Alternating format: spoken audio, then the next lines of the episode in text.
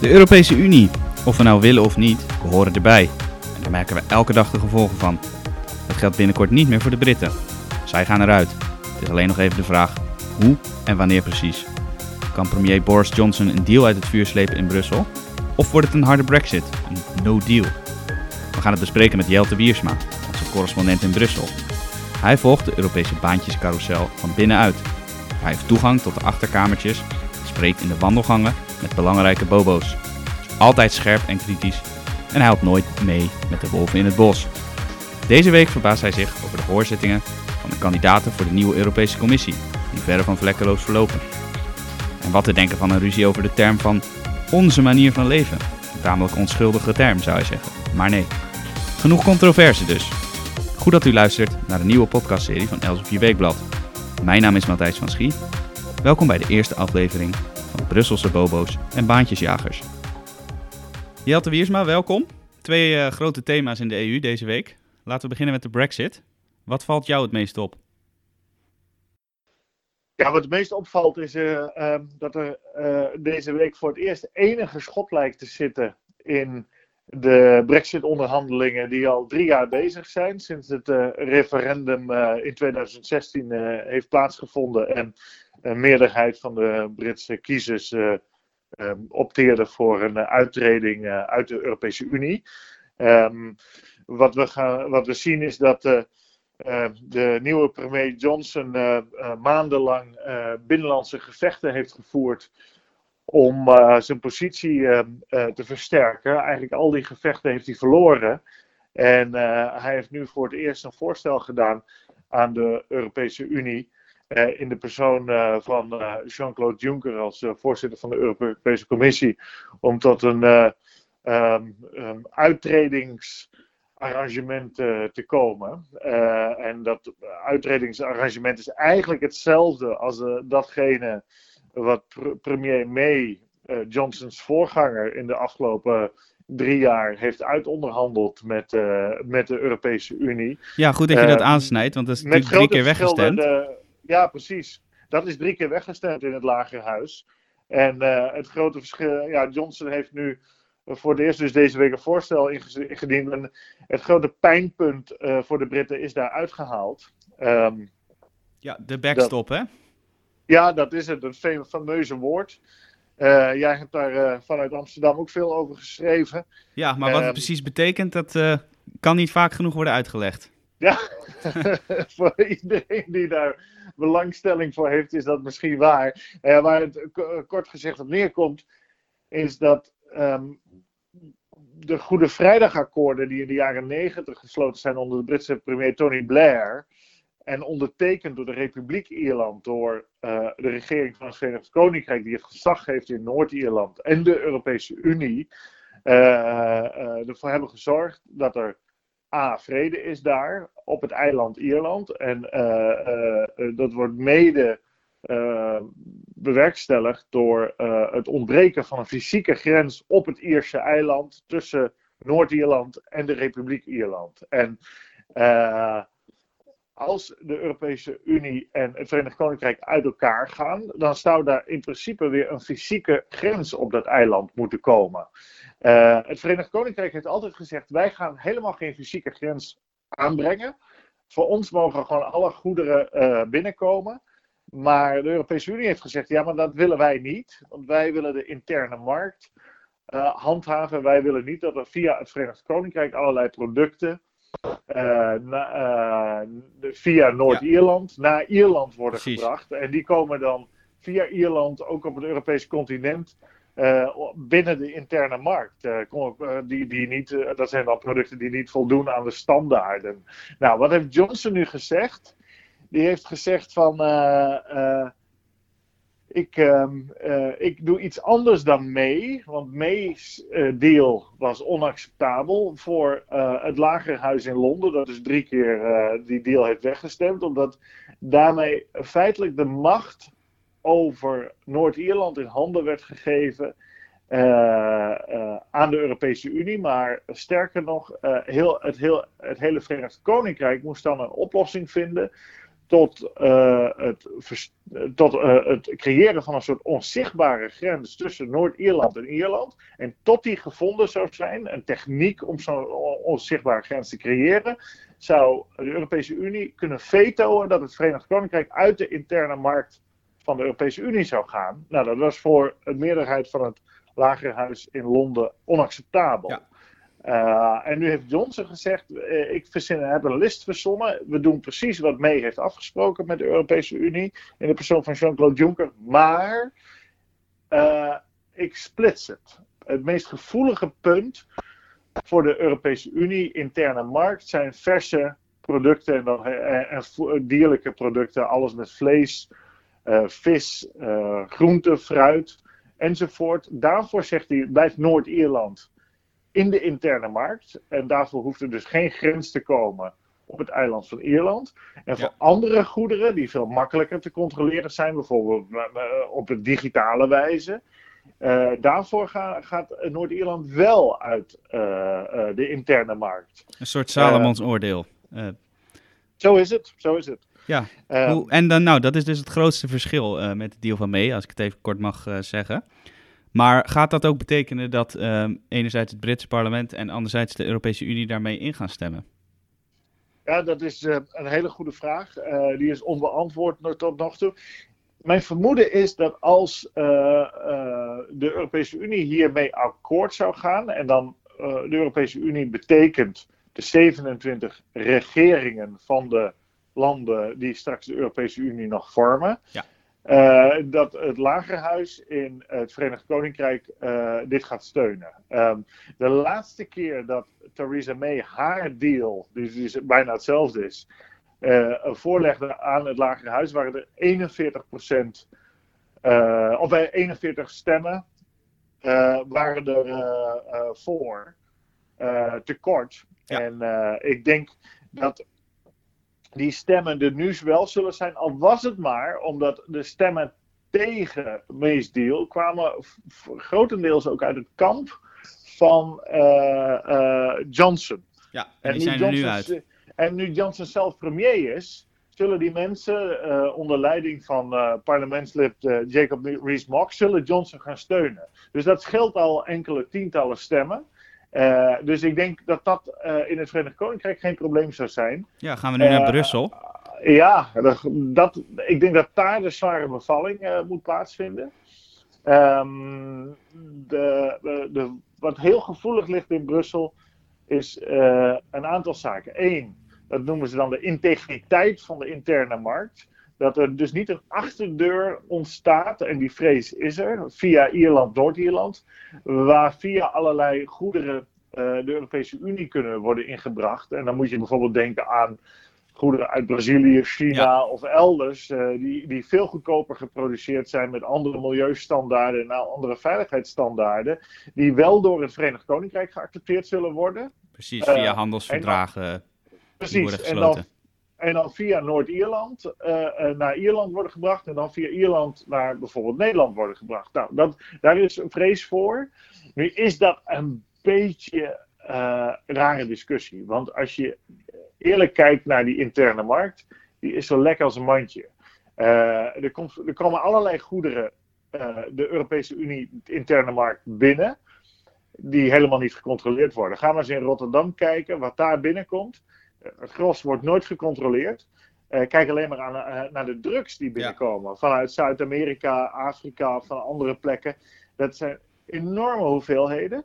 Uh, en minder dan 1%, als ik het goed begrijp, uit de politierapporten wordt eruit gepikt. Dat betekent dat de rest ongecontroleerd binnenkomt. Nou, die, dat voldoet niet aan milieu- en consumentveiligheidsstandaarden, die drugs. Nee.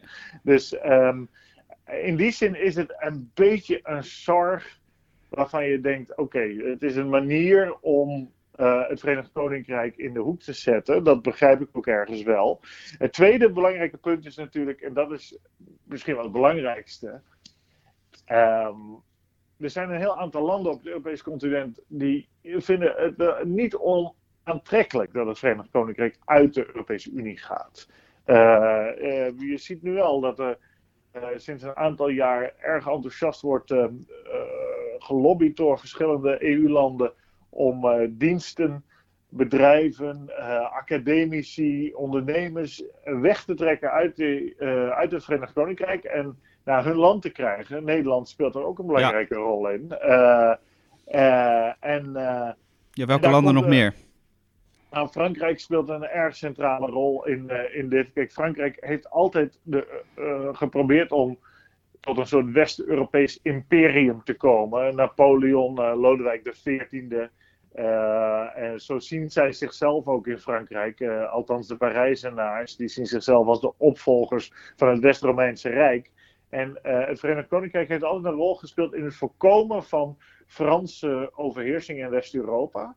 Of heeft er altijd een einde aan gemaakt? En uh, ja, nu het Verenigd Koninkrijk uit de Europese Unie gaat, ziet Frankrijk zijn kans weer schoon. Ja, en dan natuurlijk vooral uh, president Macron. Want jij had natuurlijk laatst een, uh, een groot verhaal op onze cover. Dat Macron de nieuwe keizer is van Europa. Waaruit ja. blijkt dat allemaal?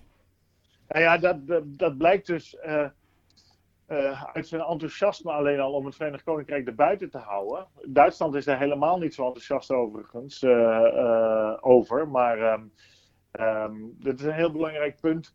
dus er is een, je, moet, je moet je voorstellen, er is eigenlijk een strijd Verenigd Koninkrijk-Frankrijk. En die, die strijd bestaat al duizend jaar ja. en die wordt heden ten dagen voortgezet met de Europese Unie. En Frankrijk wil eigenlijk wel af van het Verenigd Koninkrijk. Macron was ook de enige die tijdens de laatste EU-top waar het Verenigd Koninkrijk nog eens verlenging kreeg van zijn uittreding, uh, uh, uh, eigenlijk tegen wilde stemmen. en Macron heeft toen bedongen dat er geen jaar uitstel kwam, maar maar een half jaar, waardoor de deadline nu voor de Brexit 31 oktober is. Als er voor die tijd geen deal is, dan. En, en, de regeringsleiders van de EU willen geen verlenging, dan, dan valt het Verenigd Koninkrijk eruit. terug ja, dus een, een harde Brexit ziet Macron wel zitten. Ja, zeker. Dat ziet Frankrijk wel zitten. Parijs doet enorm zijn best om talentvolle Franse jonge mensen terug te halen. Er wonen 400.000 Fransen in Parijs. Hè? Of in Londen, sorry. Uh, Londen is, is uh, de vijfde grote stad van Frankrijk. Uh, en dat zijn niet de minste mensen die daar ja. zitten. En Macron wil die mensen terughalen. En, en de dominantie van de Angelsaksen van de afgelopen decennia en zeker het Verenigd Koninkrijk, dat binnen de Europese Unie ook een, een steeds uh, dominantere positie kreeg. Al was het maar qua taal, ook, ook, economisch. Want het Verenigd Koninkrijk heeft het erg goed gedaan de afgelopen 15 uh, jaar. om daar een eind aan te maken. Dus dat speelt een, een, een ongemakkelijke rol aan EU-kant. Um, ik denk als de druk hoog genoeg is op Macron dat hij uiteindelijk wel buigt hoor. Uh, ja. Maar um, de Fransen hebben er geen moeite mee om alleen te staan. En uh, uh, dat hebben ze in het verleden al bewezen. Dus um, misschien worden we nog voor een verrassing gesteld. En is het Verenigd Koninkrijk wel akkoord met wat er nu op tafel ligt. Met, met de Johnson amendementen, om het zo te zeggen, op de deal mee Juncker die gemaakt is. Maar gaat Frankrijk het uiteindelijk vetoen? Wie zal het zeggen? Ja, we gaan het zien uh, komende weken. Spannende tijd. Uh, dan gaan we nu over naar het tweede belangrijk onderwerp eigenlijk van de laatste weken. dat is namelijk tot en met dinsdag 8 oktober worden de, de kandidaten voor de nieuwe Europese Commissie verhoord in hoorzittingen in het Europees Parlement. En dat gaat niet echt soepel, hè Jelte? Nou ja, soepel, soepel. Kijk, we weten ehm, dat uh, um, er een uh, eigenaardige situatie is dat het uh, parlement het recht heeft om commissarissen te horen en eventueel hun, althans voorgedragen commissarissen, en hun ehm, voordracht te blokkeren. Wat is er nou zo ongelooflijk uh, uh, vreemd aan. dat is dat het parlement wil ze altijd laten zien dat ze ook belangrijk zijn. Terwijl ze zelf ook wel weten dat ze dat eigenlijk niet zo zijn. Ja. Maar omdat ze willen laten zien dat ze belangrijk zijn, moeten ze altijd wel één of twee of drie commissarissen afschieten. Ja, dat is nu al bij twee gebeurd. Hè? Eén uit Tsjechië en zo is Die andere en, kwam uh, ook uit Oost-Europa, geloof ik. Er wordt uh, plenair worden deze mensen gehoord, maar de justitiecommissie heeft, van het Europees Parlement, dat is dus uh, het gezelschap van justitiemensen binnen het Europees Parlement, die hebben al de Roemeen en de Bulgaar afgeschoten. Bulgaar, ja. Nou, nou dat is een beetje gek. Die mensen die hadden beide een vlekje. Uh, de, de Roemeense dame die uh, um, zat niet helemaal lekker uh, met een lening die ze had gekregen.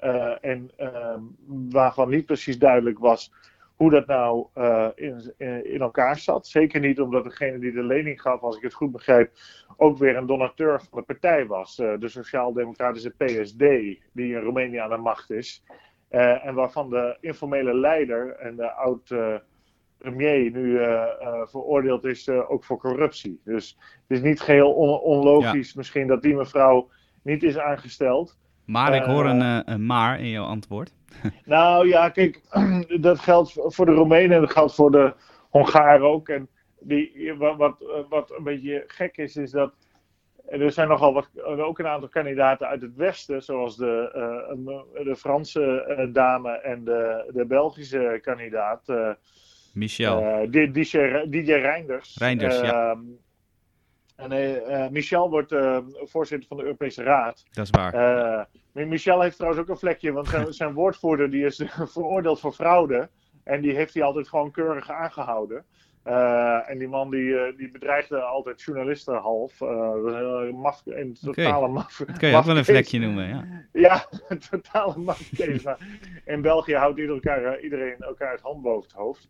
Uh, dus, uh, maar Reinders, de, de vicepremier, minister van Buitenlandse Zaken van België, die, eh, die wordt de hele tijd gelinkt in de Belgische pers aan allerlei frauduleuze handelingen. Uh, die, laten we zeggen, in het bedrijfsleven ertoe zouden leiden dat iemand meteen werd weggestuurd. Denk bijvoorbeeld aan mevrouw Dominique Leroy. Ja. die, die topvrouw van KPN zou worden, ook een Belgische overigens. Uh, die uh, is dat niet geworden omdat ze mogelijk uh, handelde met voorkennis in aandelen. Um, dan neemt zo'n bedrijf als KPN het zeker voor het onzekere. Dan neem ja. je die persoon niet. terwijl um, ja, Reinders die gaat het waarschijnlijk gewoon redden. En dan heb je de, de Franse dame dus. Die is opgestapt als minister van Defensie in Frankrijk. Omdat zij ja, fictieve medewerkers had aangesteld hm. tijdens haar periode als Europees parlementslid voor die tijd. Dus uh, heeft ze ook 45.000 euro voor terug moeten betalen aan het Europees parlement. Dit is geen Die streekt dus dat geld op, ja, voor mensen die er niet werkten. Zo is het. Die streekt dus geld op voor mensen die er niet werkten. Nou, dat is ook niet zo vrij. Je zou zeggen, dan ben je af. Ja. Hè? Dan, maar die gaat het ook redden. waarschijnlijk. dus de, de, dat maakt mij een beetje sceptisch over het afserveren van Oost-Europeanen. En mijn donkerbruine vermoeden is telkens, dat zag je ook met Timmermans, die vrij hard Oost-Europa, Polen, Hongarije aanpakte. Als het ging over rechtsstaat ja. enzovoort.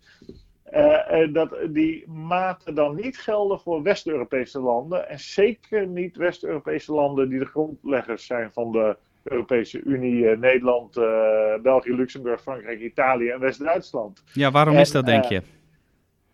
Ja, de, de, kijk, iedereen is gelijk hè, in het leven, maar sommige mensen zijn wat meer gelijk dan anderen, is een bekende uitspraak. Ja. En dat geldt binnen de Europese Unie ook. De oude zes, die hebben altijd een zwaardere stem gehouden, gehad uh, dan, dan de anderen. De anderen zijn toch een, blijven de new kids on the block.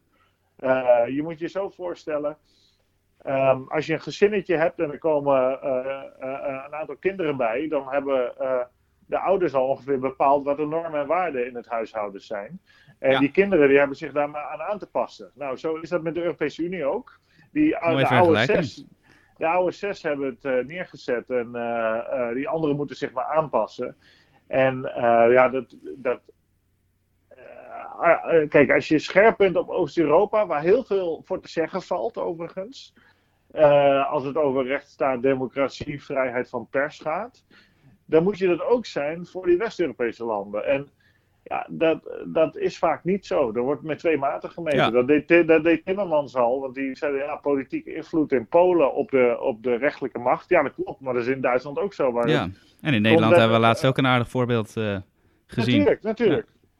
dus in heel veel landen worden rechters politiek benoemd. En, en uh, kijken we ook overigens naar onze eigen publieke omroep, die ook geleid wordt door mensen die meestal politiek uh, annex uh, zijn. Dus het is een beetje eigenaardig. En als je daarnaar vraagt, dan krijg je nooit echt duidelijk antwoord. Want niemand gaat het natuurlijk eerlijk zeggen. Maar volgens mij zit dit erachter. ja, de, iedereen weet het eigenlijk wel. Ja, precies, precies. En dat, is, en dat leidt dus tot veel boosheid in Oost-Europa. En begrijpelijk ook, want die zeggen, ja, maar jullie meten met twee maten. Ja. En dat is een... Um, uh, niet zo'n vrije vertoning, vind ik uh, Nee. eerlijk gezegd. Uh, maar goed, wat ze, we, de, er wordt nu gepreludeerd op dat een sociaaldemocraat en een christendemocraat is afgeserveerd. Dat er ook nog een liberaal gaat sneuvelen. Voor de balans. Eh, ja, voor de balans. Dan, dan zie je ook maar wat voor een bizar spel het is. En dat het helemaal niet meer gaat om kwaliteit of, of inhoud van die mensen of zo. Maar dat andere eh, zaken natuurlijk een rol spelen. Dus eh, het kan best zo zijn dat er nog een, een liberaal gaat sneuvelen. En nu zijn eh ehm, Reinders en eh, de Franse oud-minister van Defensie beide eh, liberalen. Dus eh, misschien dat er nog eentje gaat vallen. We, Ja. we, gaan, het- we gaan het zien. We gaan het zien inderdaad. Ehm, dan hebben we het nu over de poppetjes gehad in de Europese Commissie. Maar niet alleen de poppetjes zijn omstreden. Er is ook een commissariaat dat onder vuur ligt. Want de nieuwe commissievoorzitter, althans waarschijnlijk Ursula von der Leyen... die wilde een commissaris Our European Way of Life, onze manier van leven in de Europese Ja. Unie.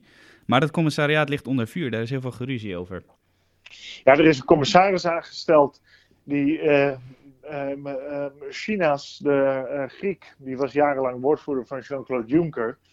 En die heeft deze portefeuille en daar valt eh, immigratie ook onder. Eh, en grenscontrole en eh, alles wat met de vluchtelingen of immigranten te maken heeft.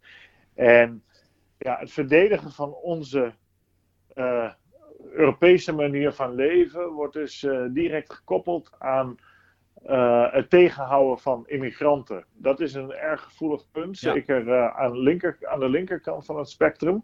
Twee, ehm, het zegt ook iets over eh, zelfappreciatie. dat wij in Europa kennelijk vinden dat wij een eh, superieure manier van leven hebben. Dat onze cultuur superieur is en dat wij dat moeten beschermen. Ja, nou, die, die combinatie die doet heel veel mensen stijgeren. Zeker aan de, zoals gezegd, aan de linkerkant van het spectrum. Die vinden het allemaal maar schandalig. Dat alle, Eh, alle culturen zijn gelijk. Dat is een beetje het idee van deze... Ja, exact, exact. En eh, dat het ehm, ehm, helemaal niet, eh, dat het heel erg bij Europa hoort juist. Om miljoenen mensen uit Afrika en eh, uit Azië, want daar komen de meeste vandaan, binnen te laten. Ja, en mee, te laten, mee te laten profiteren van de verzorgingsstaat en, enzovoort. Nou, dat is, dat, ja, je moet daar een beetje om lachen, want elk blok, eh, en dat is de EU, eh, eh, met ambities om een echt machtsblok te zijn, verdedigt zijn eigen belangen. En Ja. eh, bij, eh, bij je eigen belangen, eh, daar horen eh, grenscontroles en daar hoort een controle op wie jouw land of jouw blok binnenkomt eh, bij. En eh, Ronald Reagan, de president van Amerika van eh, 1980 tot 88, die zei al: een, een, een land dat zijn grenzen niet controleert, dat is geen land. Nee. En, eh, eh, dus als de Europese Unie ehm, ambieert een land te zijn, een, een natiestaat te worden, en dat ambiëren velen in het Europees Parlement, zeker uit die linkse eh, hoek, maar ook wel uit het centrum eh, ehm, van de politiek, dan is het volstrekt logisch dat je ehm, je grens bewaakt en dat je controleert wie wel en niet binnenkomt. En dat dat, eh, dat je dat doet omdat je dat als bescherming ziet.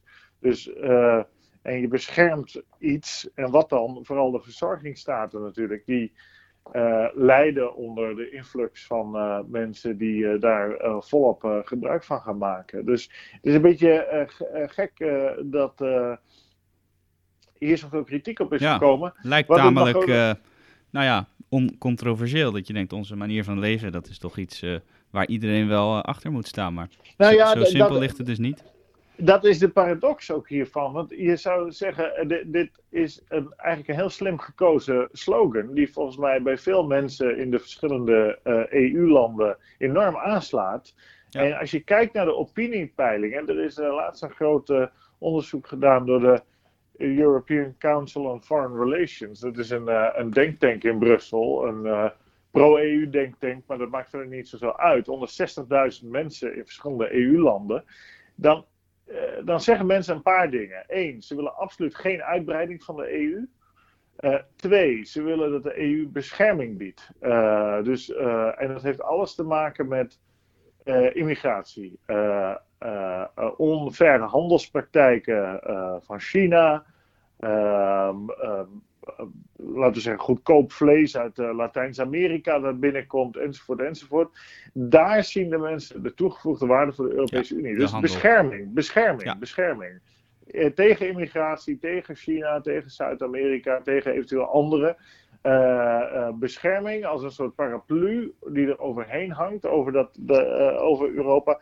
Waarvan de mensen denken dat natiestaten dat zelf niet of niet meer zo adequaat kunnen. Of dat nou waar is of niet, dat maakt niet uit. Maar je zou zeggen, die slogan European Way of Life beschermen, defending, hè, is, de, is, de, is de, de letterlijke tekst, uh, uh, is eigenlijk best slim gekozen als je kijkt naar wat de publieke sfeer is, wat de publieke opvattingen zijn. Dus, maar goed, je moet altijd debat houden. Hè? Ja, dus, dat is waar. Interessant debat wel over de nou ja, waar de EU voor staat. En uh, misschien legt het ook wel heel veel bloot over uh, nou ja, de, de verschillende kampen binnen de Unie. Ja, dat, dat weet ik niet per se hoor. Want uh, het was, was, die kritiek komt vooral van de linkerkant. Ja. Hè? En, en die, die, die mensen zijn hypergevoelig als je maar durft te zeggen dat Europa iets heeft dat te verdedigen is. Eh, ondertussen zijn dat ook altijd de mensen die het hardst roepen dat er rechtsstaat en democratie en verzorgingsstaat uh, beschermd moeten worden tegen unfaire handelspraktijken uh, in hun ogen van China, maar ook de Verenigde Staten en anderen. Dus zij zijn heel erg voor defending eigenlijk de European way of life. Uh, maar dat mag alleen maar gebruikt worden als immigratie daar geen onderdeel van is. Want dat is natuurlijk een, een heiligheid, dat die, die deur open moet blijven staan. En uh, dat Europa multiculti moet zijn en weet ik wat allemaal. Uh, ja, dat, dus die mensen ja, hanteren twee standaarden. Nou, ja. moeten zij, dan moeten zij weten, kijken wij dwars doorheen, Matthijs. Zeker, hè? zeker. Wij blijven daarover over berichten de komende weken. Jelt, ik wil je hartelijk danken voor deze podcast. We zijn al bijna een half uur bezig, dus het lijkt me een mooi moment om er eh, mee op te houden. Ik wil je hartelijk danken voor deze verhelderende uitleg over de, de Brusselse werkelijkheid van deze week. En uh, nou, we, we spreken elkaar snel weer. En dan gaan we het uiteraard weer hebben over, over de Brexit en over de commissie en wat er dan al nog niet meer speelt. Doen we, graag gedaan. Ja, tot de volgende keer, Jelte. Uh, mijn naam is Matthijs van Schie en ik dank u hartelijk voor het luisteren naar de eerste aflevering van de podcast Brusselse Bobo's en Baantjesjagers. Wilt u niets missen van onze andere podcastseries? Abonneer u dan op ons kanaal Elsevier Weekblad of ga naar www.elsevierweekblad.nl slash podcast. Tot de volgende keer.